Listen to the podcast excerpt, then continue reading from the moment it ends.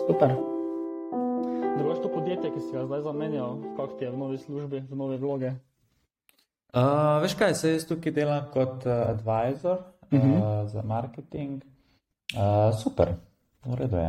Um, pač Web3 industrija, to je zelo, um, zelo hitro razvijajoče se področje, uh -huh. uh, kjer je seveda veliko priložnosti za rast in je zelo zanimivo. No? Uh -huh. Ta advisor, to, to v praksi pomeni kaj točno? Um, se pravi, da podjetju svetuješ glede strategije. Um, jaz sicer tukaj tudi sodelujem pri eksekuciji. Uh -huh. um, vse, kar se tiče komunikacije, uh, se pravi, vse, kar podjetje komunicira, um, kako naj pridobiva nove uporabnike. Se pravi, nek acquisition funnel se oblikuje in potem um, se odloča, kakšna sporočila na katerih nivojih tega acquisition funnela, po slovensko je to prodajni lijak. Uh mhm. -huh. Velikrat, velikrat nas obtožujejo, da preveč uporabljamo angliške izraze. to sem videl. Uh, tako da, lej, čist, uh, čist to, kar so naloge nekoga, nekoga uh, ki vodi recimo marketing, sam. -huh. da je to. Uh, drugačna oblika sodelovanja. Mhm. To je torej nekaj vrst, mislim, da je ta advisor enako kot konzultant ali kakšna specifična razlika med tema dvema? Ne, to je, to je lahko se temu reče konzultant. Ja. Aha, torej je to nekaj vrste enako. To je business to business relationship. Aha, ok. Pa to je, to je full time ali je to v bistvu to, to svetovanje? Ja, zdaj v, bistvu, zdaj v bistvu samo temu podjetju um, svetujem, um, ker mi pač to vzame večino časa. cool. uh, ta Web3 industrija, um, pač jaz, jaz vem, kar pač spremljam k nam v podcast, vem, da se že o tem veliko govorijo, mogoče so povaki, ki ne. Ti si bil v tem, oziroma si za to vedel, dokaj na začetku. Ne? Ja. Uh, kako si na to gledal takrat, uh, ko je to se nekako začelo s tem svetom? Oh, mislim, se, se sploh ne spomnim, da sem jaz prvič za ta termin slišal. Ne? Mogoče je to bilo nekje ne vem, pred dvemi leti, tremi, tam nekje 2020 v začetku ali pa konc 2019. Um, ampak takrat sem delal še pri Najshešu. Um, ja, gledaj. Um, to je itak, zdaj za tiste, ki ne vejo. Ne? To je kratica, ki označuje um, eno drugačno, v bistvu uporabniško izkušnjo interneta strani nas uporabnikov. Zdaj, kako to pojasniti, je najlažje tako, da upišemo, kaj pomeni Web 2, Web oziroma Web 2.0. Sprav, mi zdaj poznamo ne, internet kot uh, te neke velike uh, platforme, oziroma družbena mreža, Facebook, ne, Twitter, Instagram, TikTok, YouTube in tako naprej, za katerimi stojijo pač neke korporacije. In mi imamo tam ne, uporabniške račune in uporabljamo te njihove storitve. Načeloma so vse te storitve brezplačne. Um, njihov poslovni model je pa, da nam prikazujejo oglase. In da nam lahko učinkovito prikazujejo oglase. Ne? Um, More seveda za te oglase nekdo plačati na drugi strani, to so pa druga podjetja, ki želijo doseči uh, svoje, uh, svoj trg, ne, svoje ciljne uporabnike. Morajo ta podjetja, ne, te korporacije, morajo nekaj o nas vedeti, se pravi, kdo smo, kaj počnemo, kakšne so naše nakupovalne navade, da nam lahko, da lahko tem oglaševalcem ne, ponudijo nek dober, neko dobro storitev. In to pomeni, da trgujejo z našimi podatki. Ne, se pravi, oni vejo, kakšen imaš ti telefon, kakšen operacijski sistem, vejo tvojo lokacijo, kje se nahajaš, ne, kdaj greš od doma. Tako pač vse vejo o tebi. Ne. In mi tukaj nimamo kaj dost, um, kaj dost, ne vem, kako bi temu rekel, pravic. Mislim, lahko ne uporabljamo teh platform, ne, ampak to je tako malo. Um, da bi rekel, ne, vem, ne bom vodovoda uporabljal v bloku, zato ker ne, ne verjamem, da je voda čista. Pač težko, težko je ne uporabljati za komunikacijo v današnjem svetu. Um, in iz tega ne, potem pride ideja, kaj pa če bi mi imeli drugačen, drugačen način, ne, da bi mi nekako imeli vse nadzor nad svojimi podatki, ne, da, da bi se mi odločali, kje podatke dati, kje ne. Um, in, in zato rabimo nek drugačen, bolj decentraliziran internet. Ne.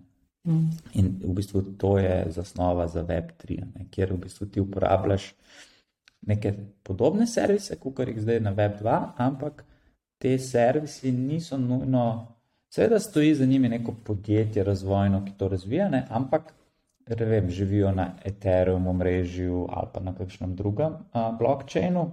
In so to v bistvu neke decentralizirane aplikacije, v katere ni nobenega logina, ne sprav ni nobene prijave, ti se svojo spletno denarnico se v bistvu uh, povežeš in uh, lahko potem, ne vem, finančne storitve ne, uh, uporabljaš ali pa um, finančne storitve so zdaj pač najbolj razširjene. Um, ampak v prihodnosti ne, je pa zdaj teza velik teh um, uh, ustanoviteljev raznih podjetij, start-upov v tej industriji, da boš pa lahko marsikaj drugega počel, ne? da boš imel, vem, um, komunikacijske programe, decentralizirane. Uh, se pravi, vse, kar zdaj poznamo na Web2, da bo tudi na Web3. To je nekako razlika. Mhm. Je mogoče do neke mere napovedati, ali pa si lahko mogoče predstavljaš, um, kaj bi bila pa naslednja generacija interneta, torej Web 4, Web 5, eh, če je to sploh mogoče, ker ne vem, koliko je bilo mogoče, ko smo bili na Web 2, si predstavljati Web 3. Um, ja, sigurno, če se bo pač uresničila ta, uresničila ta vizija Web 3, ne, eh, bo, bomo mi kot neki uh, uporabniki lahko sodelovali v recimo razvoj, pri razvoju teh decentraliziranih platform z nekimi glasovi. Ne? In te glasovi so včasih, a, v, mislim, so zdaj skoraj vedno v obliki teh žetonov, ne? tokenov um, na, na Ethereum. Recimo. Se pravi, če damo nek konkreten primer, ne? recimo zdaj Twitter, ne? Elon Musk, lahko vidimo velikrat takašno anketo. Kaj ćemo narediti, oziroma kaj naj jaz naredim, in pa ljudje glasujejo. Um, tako bi lahko na Web3, ne bi, recimo, zdaj Twitter reče, da ćemo povečati vsebino Twitterja iz ne vem, koliko je zdaj 240 znakov na vem, 500. Ne?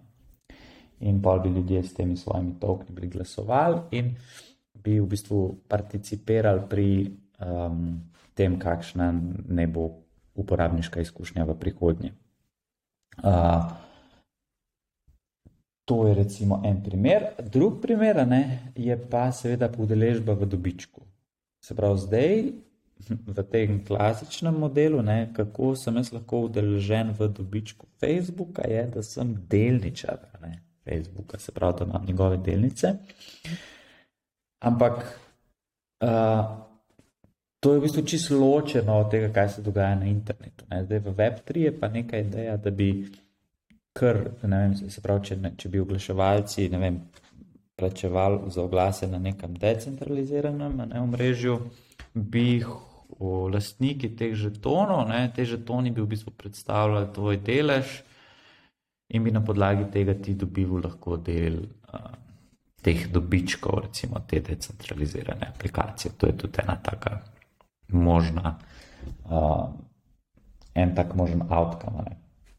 Zdaj, kaj, kaj bo to, kdaj bo to, to je zelo težko napovedati. Um, ampak jaz mislim, da v tem desetletju bo sigurno nastalo um, več teh decentraliziranih aplikacij, ki bojo zelo hitro pridobile uporabnike. Ne. Sigurno bodo to bolj neke finančne, decentralizirane aplikacije, oziroma bojo imele nek finančni aspekt. Um, tako da, ja, bomo, bomo videli. Bomo pa videli, katere bodo to. Zelo težko je napovedati. Mhm, Absolutno. Koliko so v povprečju trajala ta obdobja Web 1, Web 2? Ja, Web 1, ne, se pravi, to je čisto od začetka, takrat, ko so prvi brskalniki nastali, mislim, da to je iz časa Netscape, pa, pol Internet Explorerja v 90-ih. Um, se pravi, takrat je internet bil načeloma read-only, ne, se pravi, so bile neke statične spletne strani, kjer je, bilo večino, kjer je bil večinoma samo tekst. Že slike, če so bile, ne, je to že tudi pobral nek bandwidth, oziroma um, dokler ni nastal široko poslovni internet, dokler široko poslovni internet ni bil tako razširjen, da široko poslovni internet pomeni, da je prepustnost podatkov na mrežu večja. Um, nisi niti si mogel prvoščiti, da bi recimo imel YouTube. To, to sploh ni obstajala, niti ni bila um, infrastruktura tako dobra, niti ni obstajala tehnologija, ki bi lahko to handlala. Um, no, in, potem, in, seveda težko je bilo nekemu uporabniku recimo postaviti spletno stran. To ni bilo trivialno. Sprav, mo, mogel si biti vem, programer, mogel, mogel si imeti neko določeno ekspertno znanje, da si recimo postavil spletno stran in jo vzdrževal in tako naprej. No, potem pa na prehodu ne, iz Web 1 v Web 2 se pa pojavijo servisi, ki to recimo o, o, poenostavijo. Ne, se pravi, si, si lahko blog postavil, ne, pa ne vem, naložil slike, pa so se te slike hitreje odpirale, ker je imel, imel že več ljudi široko poslovni internet. Um, potem nastane YouTube, ne, vem, 2005 ali 2006 um, kjer lahko naložiš video. Ne. To je bila zelo velika, mislim, da lahko si že prej nalagal, ampak en tak um, res dober servis, da je to gladko delal. Um, se pravi, Web 2 je, poanta Web 2 je, da uporabniki v bistvu gradimo mi s svojimi inputi, a ne naredimo vrednost nekemu mrežu. Veš, Instagram, ne, je, to je samo To je produkt samo eh, te, eh, tega, da mi kot uporabniki gor nalagamo vsebino. To, to ni eno podjetje, ki zdaj tam nekaj proizvaja, ne? uh mhm. -huh. mi nalagamo vsebino. Tako da vse, kar je na Instagramu, je od ljudi. Ne? Se pravi, so je nek človek, je ne vem, posnel video, je slikal in je zdaj fotografijo objavil in storije in tako naprej. Ne? In um, tukaj je pa to večno vprašanje, koliko imamo mi kot uporabniki lahko od tega. Sprav, mi smo pomagali zgraditi ta mreža, ta mreža so postala zelo bogata, oziroma njihovi lastniki, ta podjetja. In ne, kaj imamo mi zdaj od tega? A je to, da imamo nek zaston servis, a je to dovolj? A je to dovolj? to je v bistvu ključno vprašanje. Ja. Uh, evo, če se zla bi te prosil, da mogoče malo poveš o svojih uh, kariernih začetkih, mogoče celo iz faksa, uh Mhm. -huh. pa pol Astra, pa pol lahko gremo počasi dalje, da te ne zadržim preveč. Ja, jaz sem študiral na ekonomski fakulteti v Ljubljani. Um, kdaj je bilo to? Med leti 2008 in 2013. Um, In takrat nisem čist tako dobro. Vedel sem, da me zanima, spravo to je bila moja edina izbira za fakulteto, ker me je zanimal denar. Me zanima me denar, biznis, um, ekonomija in me to pa zelo privlačalo. Uh, ampak tako med študijem nisem pač vedel, ne, ki, kaj točno bi jaz počel.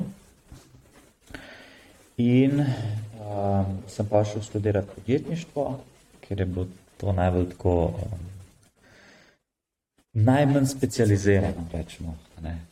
Vsi ostali, vse ostale smeri na ekonomski fakulteti, ne vem, računovodstvo, denar in finance in tako naprej, so že malo bolj pa trženje in tako naprej, so že malo bolj usmerjeni študiji. Podjetništvo pa se mi zdi, da še vedno zelo splošno in lahko marsikaj pol tudi greš delati.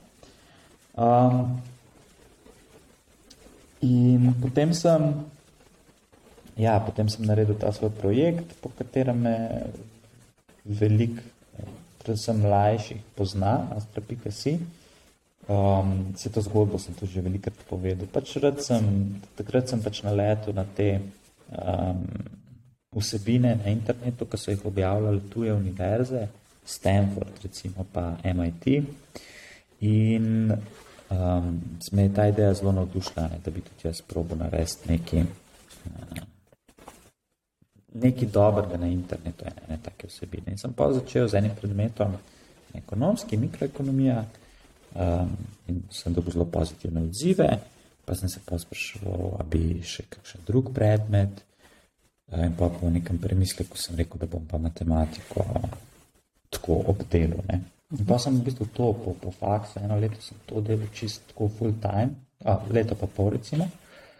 Uh, pa pa ja, pa pa ne, starene 23-24, pa ne, hočeš malo osamosvojiti, uh, odseliti od staršev in tako naprej. In uh, sem uh, hotel do denarja, ne, prideti. Um, tako da pa sem pa začel v eni marketinški agenciji, um, kaj je bila Lead Generation agencija, se pravi, osredotočala se je na to, da je podjetjem pridobivala lide oziroma sploh to v tem slovenščini reče, um, potencijalne stranke. Um, ampak sem videl, da me agencijsko delo ne veseli, uh, ker pač delaš z različnimi strankami in tako ne moreš se poglobiti. Ne. Um, jaz se prvo osredotočam na eno stvar. In sem potem bil, imel sem neko obdobje, ki sem bil brezposelen, to je bilo kakšne dva meseca, tri. No, pa sem se pa zaposlil v EKVB, to je pa slovensko podjetje, za, uh, ki se ukvarja s proizvodnjo, z razvojem proizvodnjo uh, sistemov za vodne hlajne računalnikov. Tako da je bila tako zelo, zelo dobro mi bilo tam delati, ker je to bila industrija, ki me je vedno zanimala, ne računalništvo, gaming in tako naprej. Um, sem pa tam bil ja, štiri leta, vmes se je pa tudi ta kripto. Ne? Mislim, sem se vedno, vedno me je kripto zanimal, sem tudi to že spoznal že v času študija. Mhm. Pa se je pa ponudila priložnost, da grem delati v to industrijo, sem šel pa delati ja, leta 2017, ja, sem se pa zaposlil v Najskešu. Meni se, da se ta kripto spoznal že v študentski oziroma uh -huh. letih na faksu. Kakšno je bilo takrat tvoje mnenje o Bitcoinu? Mislim, da sem, sem nekje zasledil, da si imel za Bitcoin slišal že skoraj na samem začetku. Ja, ja za Bitcoin sem slišal uh, 20. Um, in takrat sem mislil, da je to nek scam, um, ker se, a veš, slišal se je tako. Ta, ta oseba, ki je meni to predstavljala, je rekla, da je to je nek nov denar. Ne? to je nov denar, spet internetni denar in tako, kakšen internetni denar, to, to, mislim, to je boljši tam. Uh, tako nisem, nisem v bistvu se dosti posvetil, a veš, pa tudi treba razumeti, takrat, takrat niti, ti nisi mogel na YouTube in napisati Bitcoin, pa poslušati podcast o Bitcoinu, pa ne vem, ne, prebrati knjige o Bitcoinu. Tako, to, je to, to, to, je, to je bilo prvo leto obstoja Bitcoina in če, če, če si prebral white paper, pa nisi imel nekega znanja računalniškega, nisi nič razumel, ne, kaj, mm -hmm. kaj, o čem ta stvar govori. Ja, tudi ni bilo, veš, takrat sploh volete niso obstajali. To, to, pač mogo si iz tega klienta potegniti Bitcoin Core in pa se tam nekaj dogaja, ne, se je ta blockchain začel downloadati in to je res bilo tako zelo garažno, ne, ni, ni, nisi, a veš, um, sploh ne vem, s čem bi to primerjal, ne, da bi zdaj, ne vem, kaj sem, da bi odkril neko napravo, ki ti doma Mislim, da se sploh, sploh ne znam z ničemer to primerjati, ker to je bil res nek unik moment. Ne. Verjetno so se v preteklosti tako ljudje počutili, ne vem, kaj je nekdo prvi na vasi avto kupil, veš. Sploh ni bilo ceste do vas, je bil nek makadam in vsi so ga gledali in so mislili, kaj, kaj si ti nor, ne mislim, kaj boš zdaj s to zadevo počel. Um, ali pa ne vem, verjetno se je večkrat v zgodovini kakšna taka stvar zgodila, ker si bil totalen čudak, če si se s tem ukvarjal. Mm. In ja, takrat, pa sem šel pa, sem šel pa na en, uh, v Ljubljani je, je bil en prostor, Kiberpipa se je imenoval, tak geek, geek plac, kjer so bili, ja, za meetup. In sta imela nec, pa, pa Damien, nec je imel govor o Bitstampu, ne, to je bil takrat, po 12 je to bilo, to je njun tak hobi projekt, sta malo mhm. predstavila, kaj sta zdaj naredila. Sem rekel, dobro, da bom se registriral in sem bil, po mojem, med prvimi, tudi registriran na Bitstampu. Um, ja, in sem pa tudi malo začel kupovati bitcoine in jih seveda tudi že zdavne prodajo. Um, vse smo vsi, a veš, večina mm. nas je. Tisti, jaz sem imel prijatelje, jaz sicer nisem imel nikoli full bitcoinov, mm -hmm. Tako da bi jih imel 100 tisoč, ampak so, so, pa, so pa bili frendi moji, ki so imeli po par deset tisoč, recimo bitcoinov. Pa je pol, um, kaj je bil bitcoin, ne vem, 20, 20 dolarjev so prodali, pa so si avto kupili, ne, pa so bili mm. veliki zmagovalci. Danes bi bili pa najbogatejši slovenci, ne, če bi obdržali. Ampak mislim, da takih zgodb je ogromno. Mm. Definitivno. Pa boljše, ni, ni, nimaš kaj, ne. Mm, boljše, da so naredili to, kot pa da pač lahko prebereš po nekih zgodb, ko pozabijo, recimo kodo, denarnica, pa ja. tako ali takega. Ja, ja, ja, to. Ja, veš, ker, ker to takrat ni bilo nič vedno, ne. Um, ti si to, sedaj sem tudi jaz rudaril na začetku. Um, uh, mislim, to ti je toliko pomenilo, ka, ne vem, kaj bi rekel, ka točke na pika kartici, ja, veš. Briga te, ne, neki je tam dober, ja, dobiš popust, zdaj, ka neki plačaš, ampak mislim, da to noben resno ne jemlje, ne. Mm. To si tisto, si te bitcoine, nisi to resno imel. Ta prijatelj, kot je za to, kaj bi tako zagret, pa ti je to tudi predstavil kot neko novo, novi uh mhm. -huh. denar, um, je dejansko verjel do konca v to, pa si je obdržal te bitcoine ali tudi bil med tistimi, ki so recimo prodali kasneje? Ne, on je imel pa zelo tragično zgodbo, ker je um, zgubil vse to -huh. na Mount Box uh, borzi. To je bila prva borza, ki je bila tako, recimo, da je bila number one in je imela večino tega trgovalnega prometa. Pa je bila pol, pol je bil nek hek tam, ne, sploh nek upor se je zgodil in zaradi tega je tudi Bitstamp, ne, takrat bil opravljen čas na pravem mestu, ker je pa šla večina tega trgovanja pol na Bitstamp. Mhm. Tako da ja, ni, ni pol prišel več do teh bitcoinov. Mhm. Imam še eno vprašanje o Astri. Eh, zasledil sem v enem intervjuju oziroma podkastu, da si, mislim, da si Jan je govoril, da se on ne predstavlja kako je to, kot je v bistvu vsak dan, ne vem, koliko ljudi napiše, da si jim recimo pomagal pri matematiki, pa da so zaradi tebe naredili faks. Vem pa tudi, da si omenil, da ta projekt ni bil najbolj dobičkonosen. Pa me zdaj zanima, ali bi zamenjal ta nek uh, impact, ki, imaš, ki si ga imel na ljudi, oziroma še ga vedno imaš, z nekim dobičkom. Um, ja, to je Zanimivo vprašanje in bil bi zelo um, um, neiskren, če bi rekel, da ne bi zamenjal. Um, veš, težko je, to je pač neka alternativna zgodovina. Ne? Um, vprašanje je zdaj, kakšni bi ti dobički bili, kaj to pomeni, ti zdaj meni rečeš, ja, 100 tisoč na leto, na, mest, in na, na drugi strani pa popolna anonimnost ali kaj. Um, te, težko je to komentirati, ampak mislim, tako ni mi nič žal, ne, da bi rekel, pač, veš, to je neka pot, jaz sem se tudi učil, bil sem mlad. Ne, um, um, To je bil nek moj bolj ustvarjalni zanos tukaj, kot podjetniški. Uh mhm. -huh. In um, to je bila v bistvu bila dobra izkušnja, da v podjetništvu rabiš oboje. Ne? Rabiš in ustvarjalni zanos, oziroma nek, neki to, kar rešuje problem, pa nek podjetniški zanos, ki je pa prodaja svoje rešitve trgovane. In, in to ponavadi nimaš v eni osebi, se pravi, moraš se povezati z ljudmi.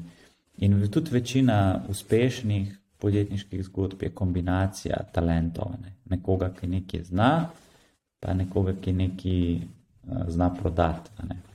Nekdo, ki zna narediti, nekdo, ki zna prodati, nekdo, ki zna voditi, ne polk to raste. Tako da iz, izjemno, izjemno redki so posamezniki, ki imajo vse te, um, vsa ta znanja ali pa zmožnosti v eni osebi.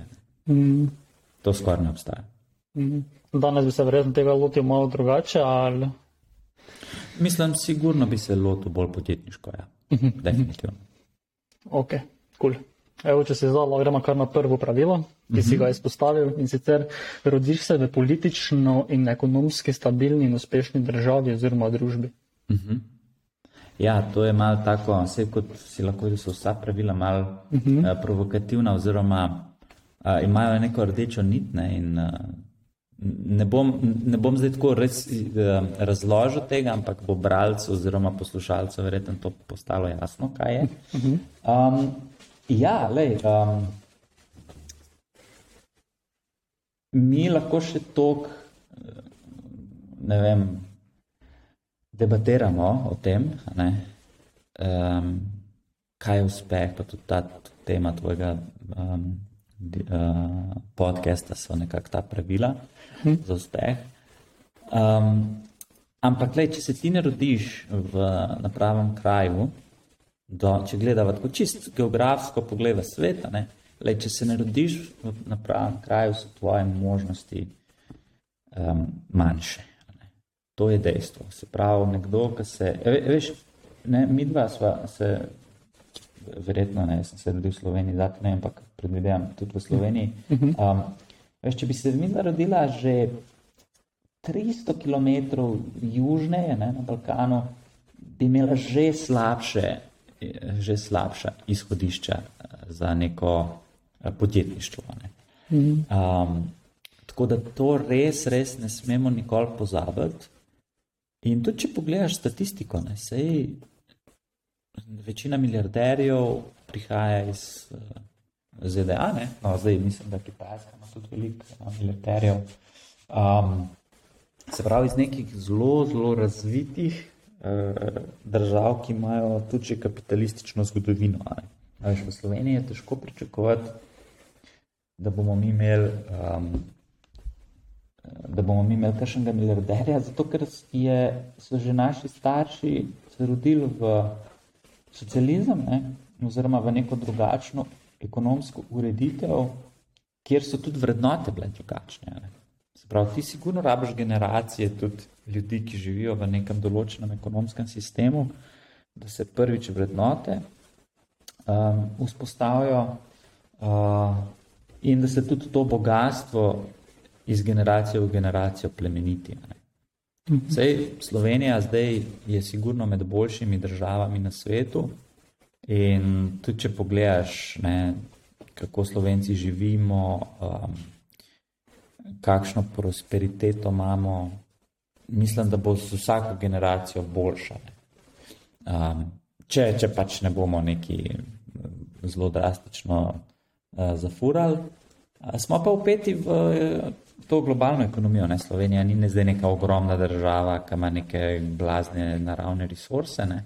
Pri nas je turizem, pa neki, neka mogoče mala do srednje velika podjetja, ki predvsem izvažajo. Ne? Vse vemo, izvoz Slovenije je večino na, nemški trg. Mm. In to so neki, recimo, tehnični izdelki, ne? slovenci smo strojniki. uh, tako da, ja, to je neko prvo pravilo. Se pravi, na to nimaš vpliva? Mhm. kje se rodiš, to ne moreš zbirati. Ampak, če bi lahko, bi mogel zbrati razvito kapitalistično um, državo, kjer je recimo demokracija. Ne? Mhm. Ja, ko sem jaz prebral ta tvoja pravila, je prva misel bila, bila to, da lahko v bistvu na nekatera pravila pač nema vse, na pravilo 2 in 3 definitivno ne moreš kasneje vplivati. Uh -huh. Na prvo pa se mi je zdelo za trenutek, da mogoče lahko pač se odseliš, ampak sem kasneje prišel do te ugotovitve, da v bistvu okolje že na samem začetku preveč vpliva na tebe in si mogoče te neke meje po nekem sanjarjenju o tem, da bi ti bil milijarder, tako smo, tako smo uh -huh. omenili, te pač dokaj omeji že okolje in družba. Ne? Ja, ja, absolutno. A veš, mislim, nekdo, ki, nekdo, ki recimo rata milijonar, pa se je rodil v neki revni vasici v Kongu, veš, in, in da ratam, da, da se potem preseli, ne vem, v London, New York, to, to, to, to mora. To, to so tako astronomsko majhne možnosti, da ti uspe. Mm. Dost manj kot nekomu, ki se je rodil v Sloveniji in ne vem, recimo, lahko gre na izmenjavo v Kanado, veš, v času študija. Mm -hmm. že, že to je v Sloveniji zelo, si v bistvu v nekem višjem družbenem razredu. Mm. Tako da to se res moramo zavedati, da. Um, to, kje se rodiš na svetu, je skoraj, jaz bi rekel, 50 posto faktov wow. uspeha. Mm, wow. Dejansko. Um, rodiš se ljubečim staršem in si zaželen otrok, pravil dva. Ja, um, to enostavno z leti, tudi ne, če pa malo bereš o psihologiji, vem, socializaciji človeka in tako naprej. Um, če ti nimaš te, in, in potem ugotoviš, ne, to sem že hotel reči, potem ugotoviš, koliko so pomembna prva tri leta, recimo, tvojega življenja. Sprav, prvih šest mesecev, leto, leto in pol, dva, tri. To je. Um, Zdaj, tudi v zadnjih letih ne, se je ugotovilo, kako v bistvu to vpliva pol in na karakter, in na to, kako se boš ti spopadel z težavami kasneje v življenju. Ne. A veš, ker tebi se recimo v prvih šestih mesecih se ti oblikuje ta um, nagrevalni sistem v možganjih. Ne. In veš, če, če ti ne odraščaš v pravem okolju, ne, um, nimaš možnosti za to. Ne če se noben s tabo ne ukvarja, um, ne, je, je zelo velika razlika, kdaj se ti kot, kot začneš razvijati mentalno, ne, kdaj ne vem, pol spregovoriš, kdaj shodiš in tako naprej. In to izjemno pač vpliva potem na, uh, na kasnejše faze življenja. Tako da zdaj, a veš, vedno, ko vidim neke zgodbe, ne, ljudi, ki so, ne vem, ali zabredeli za v neke, neke odvisnosti, v neke, ne vem, se pravi, so po teh konvencionalnih pravilih neki neuspešni ljudje, ne. Jaz razumem, oziroma tako poskušam razumeti, da to sigurno izhaja iz prvih treh let življenja. Ne pa mogoče iz otroštva, pol, ne vem, neke zlorabe, um, um, nasilje v družini, alkoholizem, uh, zapuščenost, nezaželenost. Uh -huh. In je zelo težko take ljudi obsojati. Ne? Po drugi strani bi bilo pa zelo naivno, da bi ljudi, ki so po teh konvencionalnih ne, um, kriterijih uspešni, da bi rekli, jaz zelo nerad uporabljam to besedo self-made. Da, da so sami sebe zdaj nekako naredili in, in so sami. Ne, um, ne verjamemo to. Pravi, vse, kar sem jaz do zdaj se naučil o človeku in človeškem odraščanju in človeški psihologiji, eh, mi, mi, mi govori nasprotno. Se pravi, nikakor nisi ti self-made, ne. ti si produkt neke pač okolice odraščanja. In verjetno, če imaš, tudi če si ambiciozen, ne, in če imaš neke sposobnosti, jih imaš zato, ker si verjetno v otroštvu, v zgodnjem, zgodnjem otroštvu, ne, imel prave, um, so starši za tebe skrbeli, veš, si imel pogoje, da se je to lahko potem začelo razvijati. Um, do kakšne mere, po tvojem mnenju, pa lahko to, na to vplivaš kasneje, recimo, da si imel um, ne najbolj idealno otroštvo, samo s tem, da recimo prepoznaš, um, da imaš nekatere blokerje, težave, kakorkoli bomo to poimenovala, pa da se to odločiš, po moje, pol um, delati na tem, da odpraviš um, kakorkoli. Maš. Maš. Okay. Mislim, da imaš tako kot si rekel, ja, če ti to prepoznaš, ne, zdaj, to je pol malo odvisno, a prepoznaš, ampak če prepoznaš, mislim pa, da imaš spet ne. Um, veš, to, da si ti lahko prvoščeš ne vem, neko dobro psihoterapijo, da um, imaš neko podporno okolje, v katerem lahko to razdelaš in ne vem, neke travme tudi odpraviš in svojo osebnost dejansko spremeniš, je spet ne, ali je to povezano vem, s financami. Ne, veliko ljudi ima neke mentalne probleme, pa niti ne znajo pristopiti k reševanju, nimajo sredstev, da bi to naredili, in se to potem samo še, to je neka spirala negativna. Mhm. Ampak, ja, če bi čisto tako rekel, mislim, da kasneje v življenju, sigurno imaš možnosti, da to razrešiš. Mhm. Kakšno pa imaš mnenje o teh nekem, te nekem marketingu teh naših današnjih eh, podjetnikov, zelo znanih, ko v bistvu vsi predstavljajo, oziroma marketirajo neko zgodbo, da so prišli dejansko iz čistega beda do nekega uspeha. Pol kasneje pa sem recimo enkrat prebral Justin Bieber, da v bistvu ni bilo tako, kot je bilo predstavljeno v njegovih filmih, kasneje v nekih člankih, ampak da je njegova družina bila v bistvu precej premožna. Kako gledaš na to zgodbo? Je to bullshit ali je to, mislim, je to samo za marketing ali dejansko to? Ja, temu se reče rags to riches story, ne se pravi iz dna na vrh.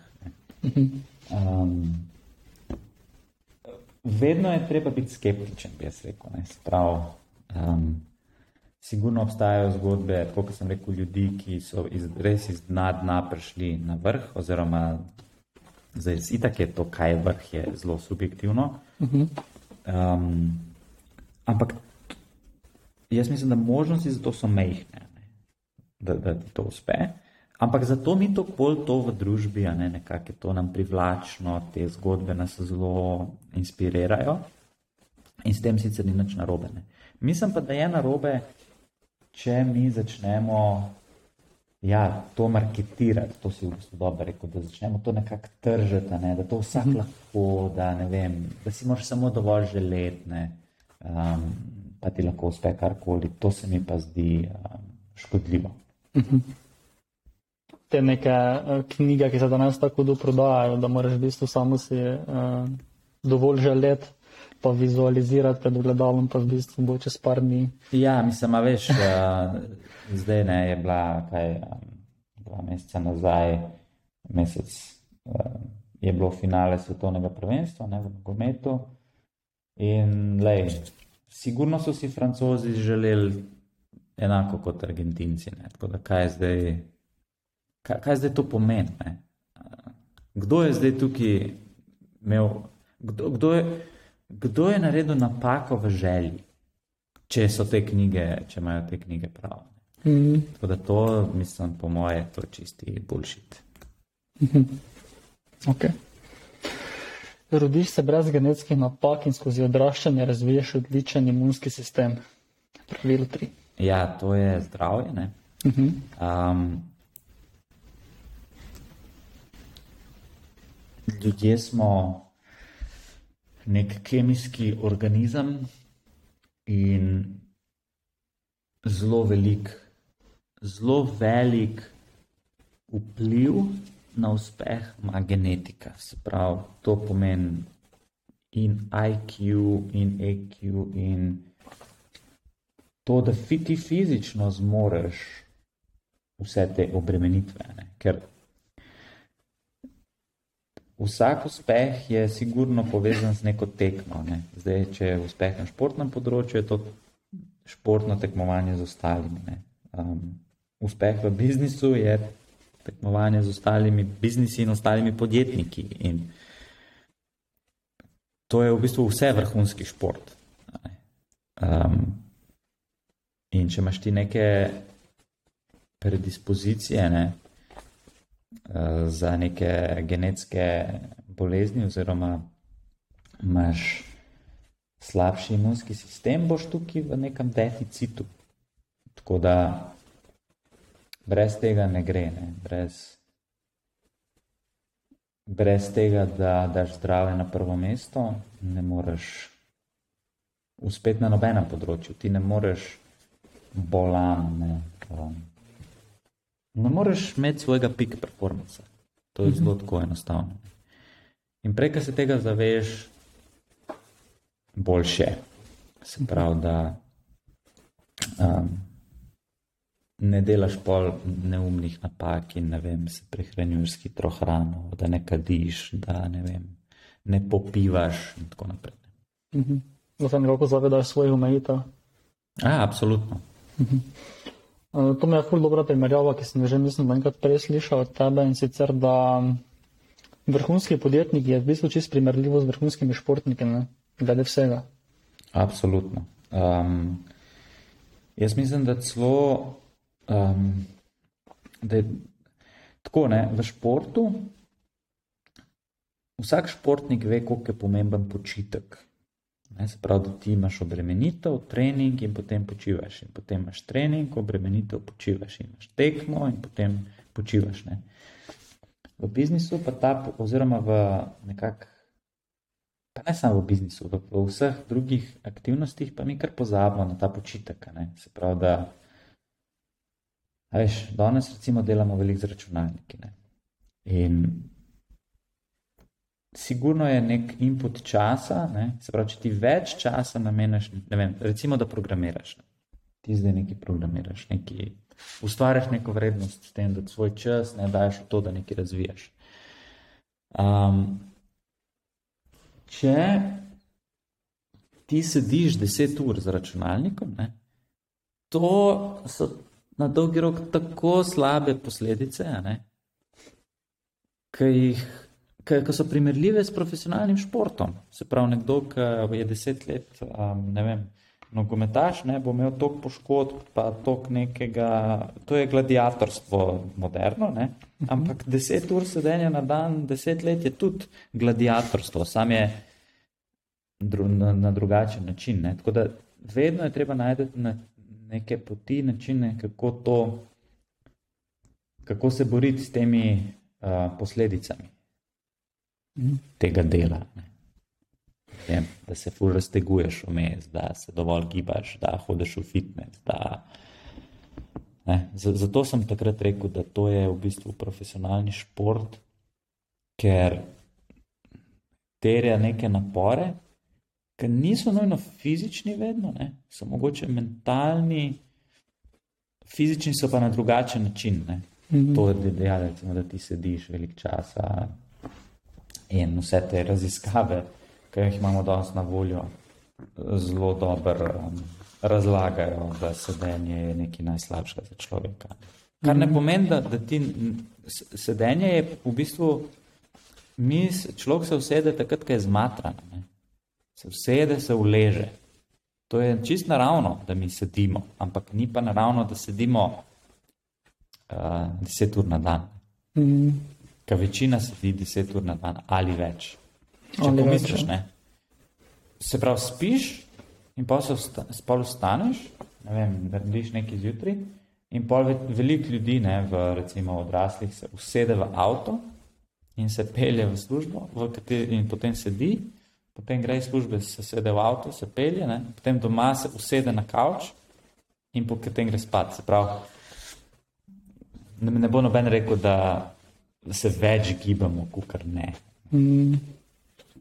Definitivno, čist drug ekstrem je recimo um, športnika, ki se recimo giba na en, rečemo, deset ur na dan, pa nekoga, ki pač sedi uh, čist z druge strani nekega gibanja gre, oziroma ne gibanja. Kako, Ja, pa, ja, kako, pa recimo, absolutno. Kako pa recimo ti skrbiš za to, da eh, imaš tam neki balans med gibanjem in med dejansko sedenjem, ker vem, da imaš ti sedečo službo verjetno? Ja, um, veš kaj, jaz, zjut, jaz imam zjutraj en, a, pač ta, eno rutino raztezno, Uh -huh.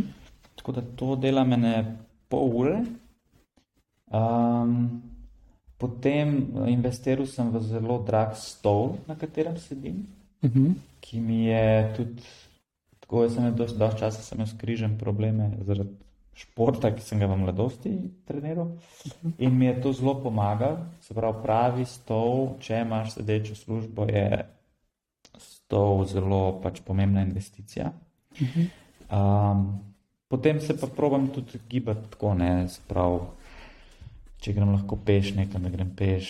Um, trenirati bi mogel več, sigurno imam to zdaj premalo.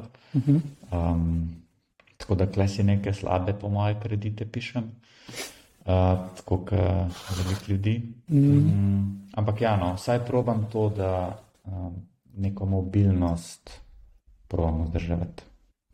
Na teh malih stvarih torej delaš, da probaš vsaj malo mobilizirati to. Ja. Okay. Izogneš se nesrečam, hujšim poškodbam in smrtonosnim boleznim. Pravilo štiri. Ja. Um, zelo nevarno obdobje so zgodnja 20. Ne? Oziroma med srednjo šolo in recimo med 15 in 25 letom, ker se predvsem pri moških, ne pri fantih, se še razvija ta prefrontalni korteks, ki skrbi za neko racionalno razmišljanje, pa to, da lahko premisliš, preden neko impulzivno dejanje narediš. In uh, veliko velik fantov, recimo, se ubije vem, z motori, z avtomobili v, v tej starosti. Ne? Um, in sistem seveda oduzamejo življenje in možnost uspeha. Ali pa, ne vem, ostanejo na vozičku in tako naprej. Ne? Tako da izognitev oziroma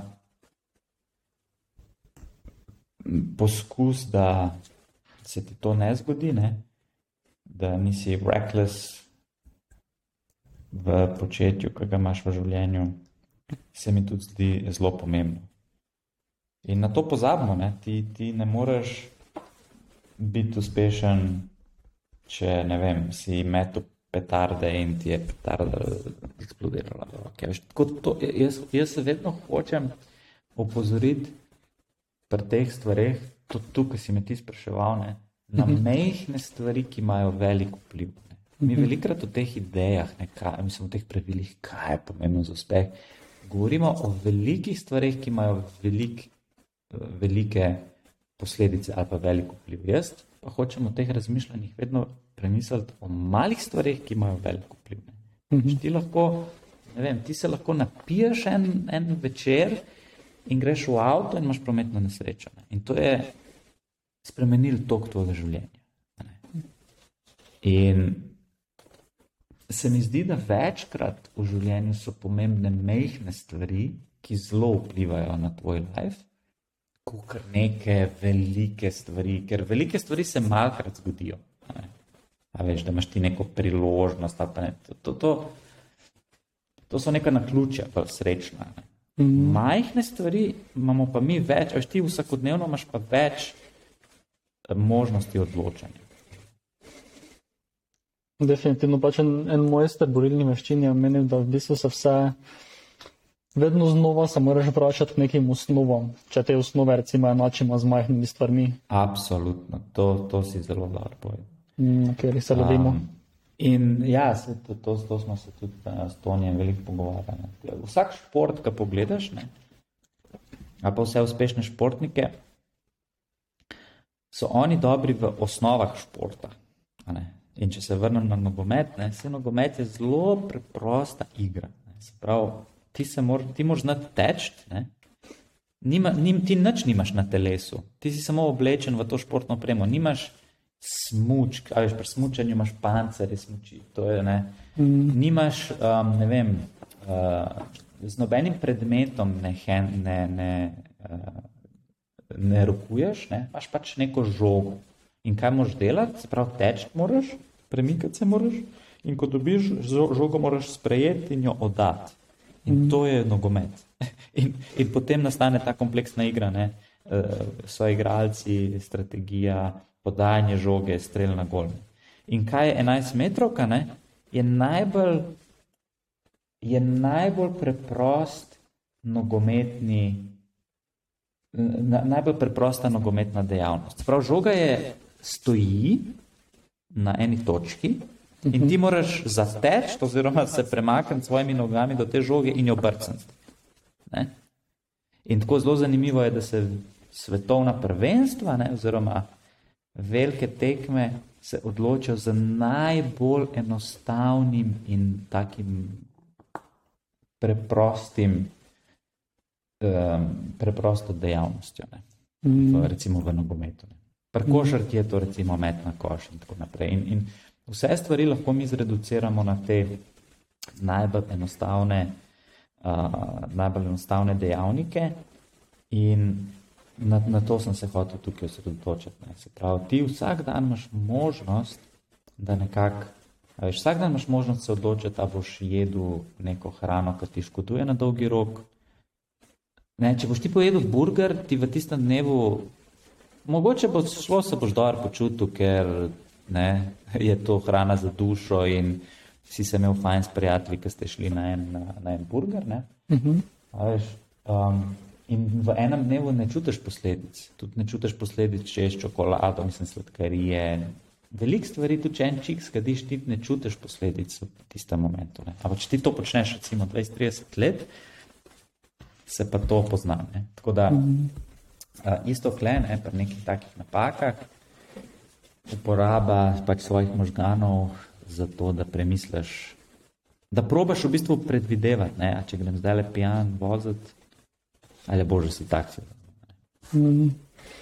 Uh, to idejo, ki si jo predstavil glede vpliva burgerja na tvoje življenje, bi nekako lahko primerjal s tem, kar je Simon Sinek povedal v enem videu in sicer um, kdaj si se zaljubil v svojo ženo, pa če rečeš v fitness, kdaj se ti je začelo poznati. Ne?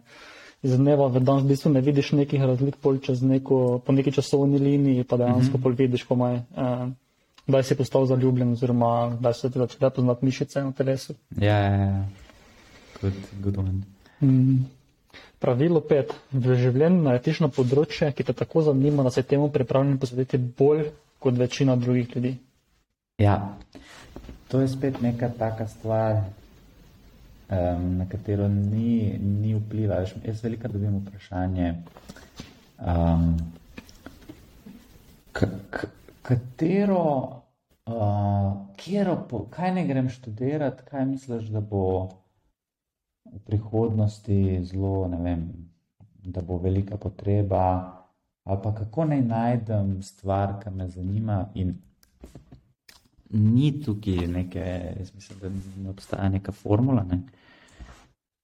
Se mi pa zdi to zelo, to se mi zdi pa ključno za uspeh. Se pravi, da, veš, težko je nekaj delati, kar te ne zanima oziroma ne maraš. Ne. Veš, če bi jaz zdaj te preko, le ti, edina tvoja možnost za uspeh v življenju je, da ne vem. Um, šivaš obleke. Ne. Zdaj ne vem, če sem mogoče lih naletel na to, da ti fura šivaš, sem se zmotil, ampak recimo, da ne, da, da, mislim, ne, ne da ne rad, ampak pač nisi razmišljal o tem, da bi kdaj šival obleke. Mhm. Boš ti zelo težko, ne vem, to počel vsak dan. Če pa ti najdeš nekaj, ne, ki ima nek tak magičen neko magično privlačnost ne, in ne moreš nehati razmišljati o tem, in te vleče v to, in postaneš tem obseden. Mhm. Máš pa, mislim, da je ogromen možnosti, da bo to nekaj, kar, um, s čimer se boš preživljal, oziroma lahko bil na tem področju uspešen. Ker to, po mojem, rabiš, ne? ti rabiš neko obsedenost, um, z nekim področjem, z neko dejavnostjo, bolj od ostalih. Ne? Se pravi, to pomeni, če si ti edini, ki te zanima, ne vem, ali če si ti edini na svetu, ki te zanima zbiranje, ne vem, modrih zamaškov, ne?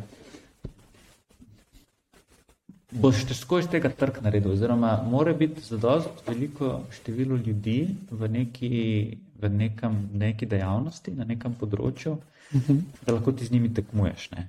Tako, kot sva, to sem na začetku menil, sprav. Vsak uspeh je posledica neke tekme.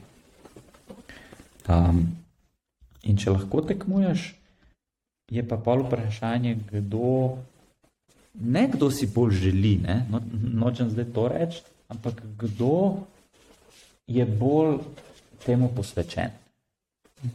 Ne? Veš, nekdo, ki se, bolj posveti, ki se je študiju bolj posvetil kot jaz, je danes profesor. Ne? Vse vemo, da končna etapa študija je to, da si ti doktor, pravi, mm. magisterij, doktorat in potem ti ponudijo profesuro, mm -hmm. če ti jo ne. Um, Ampak spet to lahko postaneš, če se ti temu posvetiš. In vsak uspeh, kakršen koli, kako ga definiramo, je, je sigurno posvečanje neki stvari bolj od ostalih. Mhm. Kaj pa bi recimo komentiral to, pa če meniš, da je to neko tekmovanje, da uspeh neko tekmovanje na trgu, tako da recimo neke redke izjeme, ki tega trga niso imeli, oziroma so ga nekako ustanovili kot recimo Facebook, če se ne motim, pač je to bila neka, neka stvar, kjer trg ni bil tako razvit. Ali se motim, da je tega? Ne, mislim, glede Facebooka, mislim, da se motiš. Um, mhm. Je bil prej MySpace, se pravi, družbena mreža so obstajala. Facebook je nek, neko viralnost dosegel in oblikoval neko uporabniško izkušnjo, ki je bila zgleda, je zadev ne, uh mhm. -huh. s tem svojim produktom. Uh, Um, lej, tudi to, da ti ustvariš trg, ne, by the way, to je zelo dobra knjiga Zero to One od Petra Tila, uh -huh. ki jo vsem priporočam, a, ki govori o temu, ne, se pravi, a je teži v obstoječi panogi narediti nek preboj ali je teži novo panogo ustvariti. Ne, to, je, to je v bistvu Zero to One. Um, In spet odgovori so različni. Ne?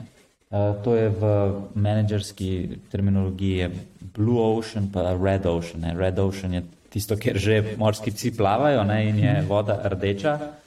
Blue Ocean je pa čist neka, je pa se ti premakneš v neko ne, recimo, ne novo panogo. Ne? Um,